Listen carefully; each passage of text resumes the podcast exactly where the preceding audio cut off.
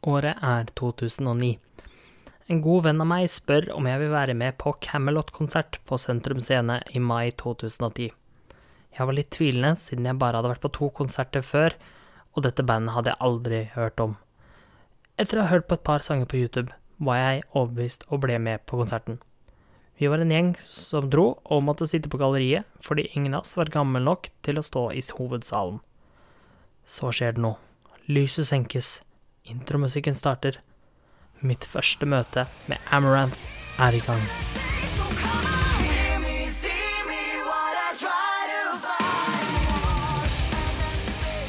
Ifølge bandets kvinnevokalist Elise Ryd sine uttalelser i Femme Metal Magasin i 2012 var starten på Amarante at Jake E. Lundberg og Elise møttes i en bar i 2004.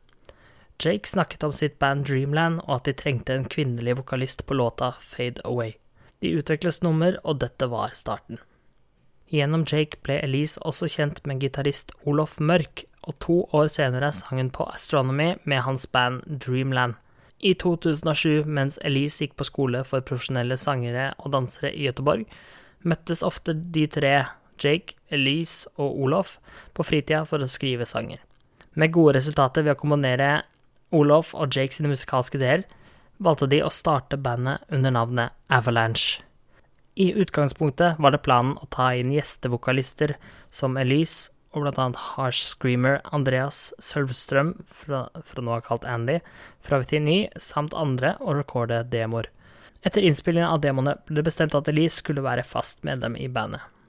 Olof var fra før av god venn med trommis Morten Løve Sørensen, så det var naturlig å spørre han om å spille trommer for Avalanche. Andy ble aldri formelt spurt om å være med i bandet.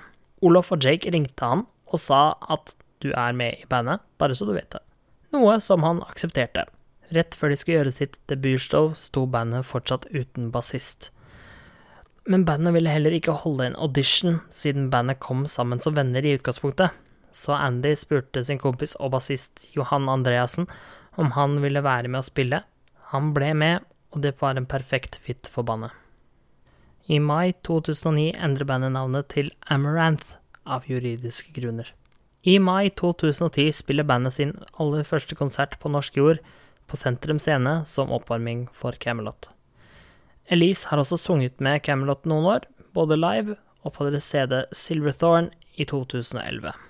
I april 2011 slapp bandet sin selvtitulerte og aller første plate Amaranth, som nådde en topplassering på 35.-plass på de svenske albumlistene, 16.-plass på de finske, og de toppet importlistene i Japan.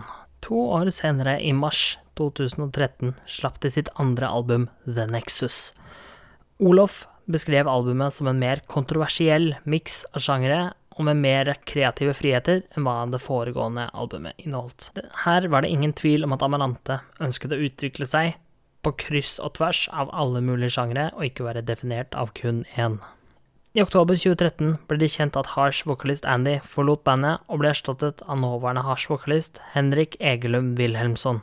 Gjennom 2015 til 2017 var det flere konserter Jake ikke var til stede på, da han ofte heller virket som han ville prioritere familielivet. Men han var med da Amarante slapp sitt fjerde album Maximalism, og det ble sluppet i oktober 2016. Men i november sier Jake en statement at han vil ta en pause fra bandet. I showene framover fyller blant annet Chris Adam Sørby fra Smash Into Pieces og Nils Molin fra Dynasty inn i Jake sitt sted. Men i februar 2017 ble det kjent at Jake E og Mariante skiller lag på permanent basis. I et intervju noen dager senere sier Jake at han ikke brant for musikken Amarante laget lenger, siden det, ut, siden det hadde utviklet seg i en annen retning enn hva han selv ønsket at bandet skulle lage. Det har siden den gang virket litt som det har vært litt bad blood mellom Amarante og Jake, siden bandet ikke nevnte han noe mer enn nyheten om at han slutta, og det var basically det. Knapt en lykke til med veien videre. Dette hadde en stor påvirkning på hvordan bandet fungerte. Fram til februar 2017 kunne du bl.a. melde deg inn i Amarante fanklubb og være med i trekning om å møte bandet på et show du hadde billetter til, om du bare sendte mail til fanklubben. Ingen ekstra utgifter, og du fikk en meet and greet med bandet. Jake sin visjon var at meet and greet som han betalte for, var unødvendig, og at man skulle møte og at fans skulle få møte bandet uten å måtte betale en større utgift. Derimot kort tid etter at Jake sluttet, ble fanklubben avviklet, og bandet satte opp meet and greet-billetter til hvert show for rundt 700 kroner stykket, sånn som mange andre band gjør. Jake gikk selv videre til å starte bandet Syra bare en måned senere, med blant annet medlemmer fra In Flames, og de gjør det ganske greit. Etter noen måneder uten fast male clean vocals ble det annonsert i juli 2017 at Nils Molin fra Dynasty skulle være fast ny male clean vokalist. Året etter, i oktober 2018, slapp bandet sin seneste plate, Helix. Nå vil jeg snakke litt om albumene de har gitt ut så langt. Først ut så har vi Amaranth, og høydepunkter på den plata er Hunger, One Million Light Years, My Transition og den flotte balladen som fortsatt spilles live, Amaranthine. Neste ut har vi The Nexus, som er litt forskjellig fra den første. Det er litt mer utvikla, litt mer elektro og litt mer kryssing av sjangere, som jeg sa i stad. Høydepunkter her er den første, som er Afterlife, som er en veldig, veldig right in your face-type med låt, som slår deg med en gang. Så har vi Invincible, The Nexus, som er en fast siste låt på settlista. Balladen Burn With Me, Eh, den uh, dansehit-lignende Electro Heart, og til slutt den flotte Infinity. Etter der igjen har vi Massive Addictive, og der har vi gode låter som eh, Dynamite, Drop Dead Cynical, Trinity og Digital World. Dette albumet er litt forskjellig fra de andre, og selvfølgelig en litt annen retning, men det er fortsatt bra låter. Og jeg tror ikke det fikk så veldig hard medfart mer enn de andre. Så har vi Maximalism, så har vi Maximalism, som virkelig begynner å skille seg litt ut.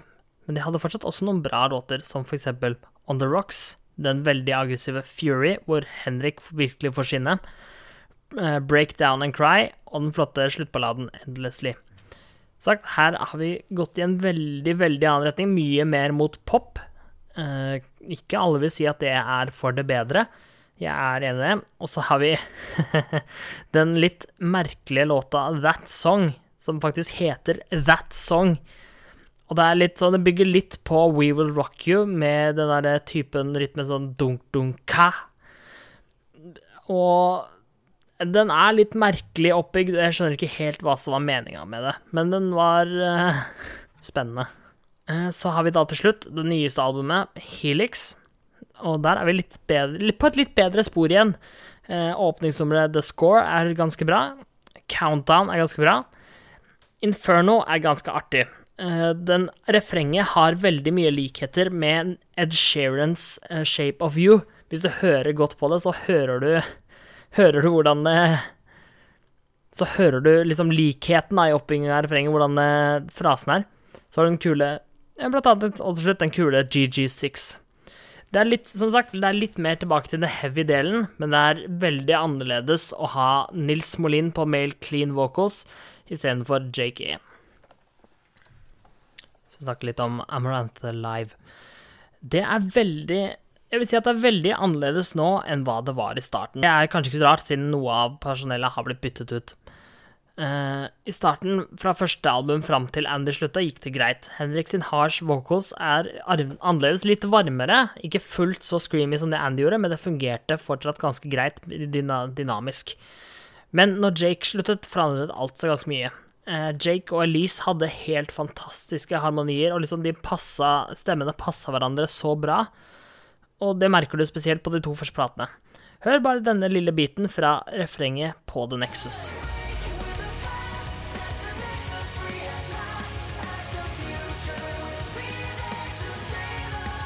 Her hører du virkelig hvor bra stemmene er miksa, og hvor bra de passer sammen.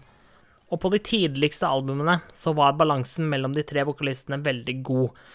Alle fikk sin tid i lyset og fikk liksom skinne litt. Mens på Massive Addictive, Maximalism og Helix har Elise vært en mye større del av vokalbildet hele veien og har vært mer hovedvokalist. Mens da Jake, før da han ble erstatta av Nils, og Henrik har blitt mye mer backup-sangere. Mer sånn i bakgrunnen, da. Det er kanskje ikke nødvendigvis så galt at hun er hovedvokalist. Men det var liksom sjarmen med at det var den gode balansen mellom de tre, og de fikk hver sin tid i lyset, som liksom gjorde Amaranth, da. Det har på en måte endra, endra hele dynamikken veldig. Et annet problem Amaranta har, sånn jeg ser på det, er at Nils og Elise sin rekkevidde er veldig like, og ikke på en god måte.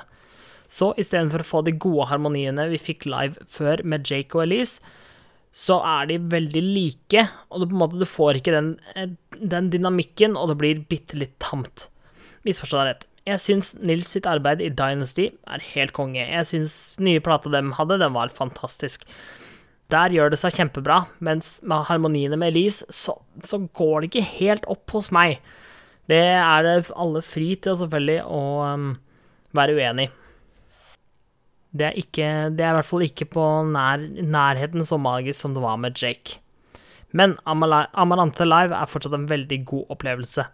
Musikken er fortsatt fengende, og du går neppe fra en Amarante-konsert uten å være litt hes eller ganske sliten etter mye headbanging og kos.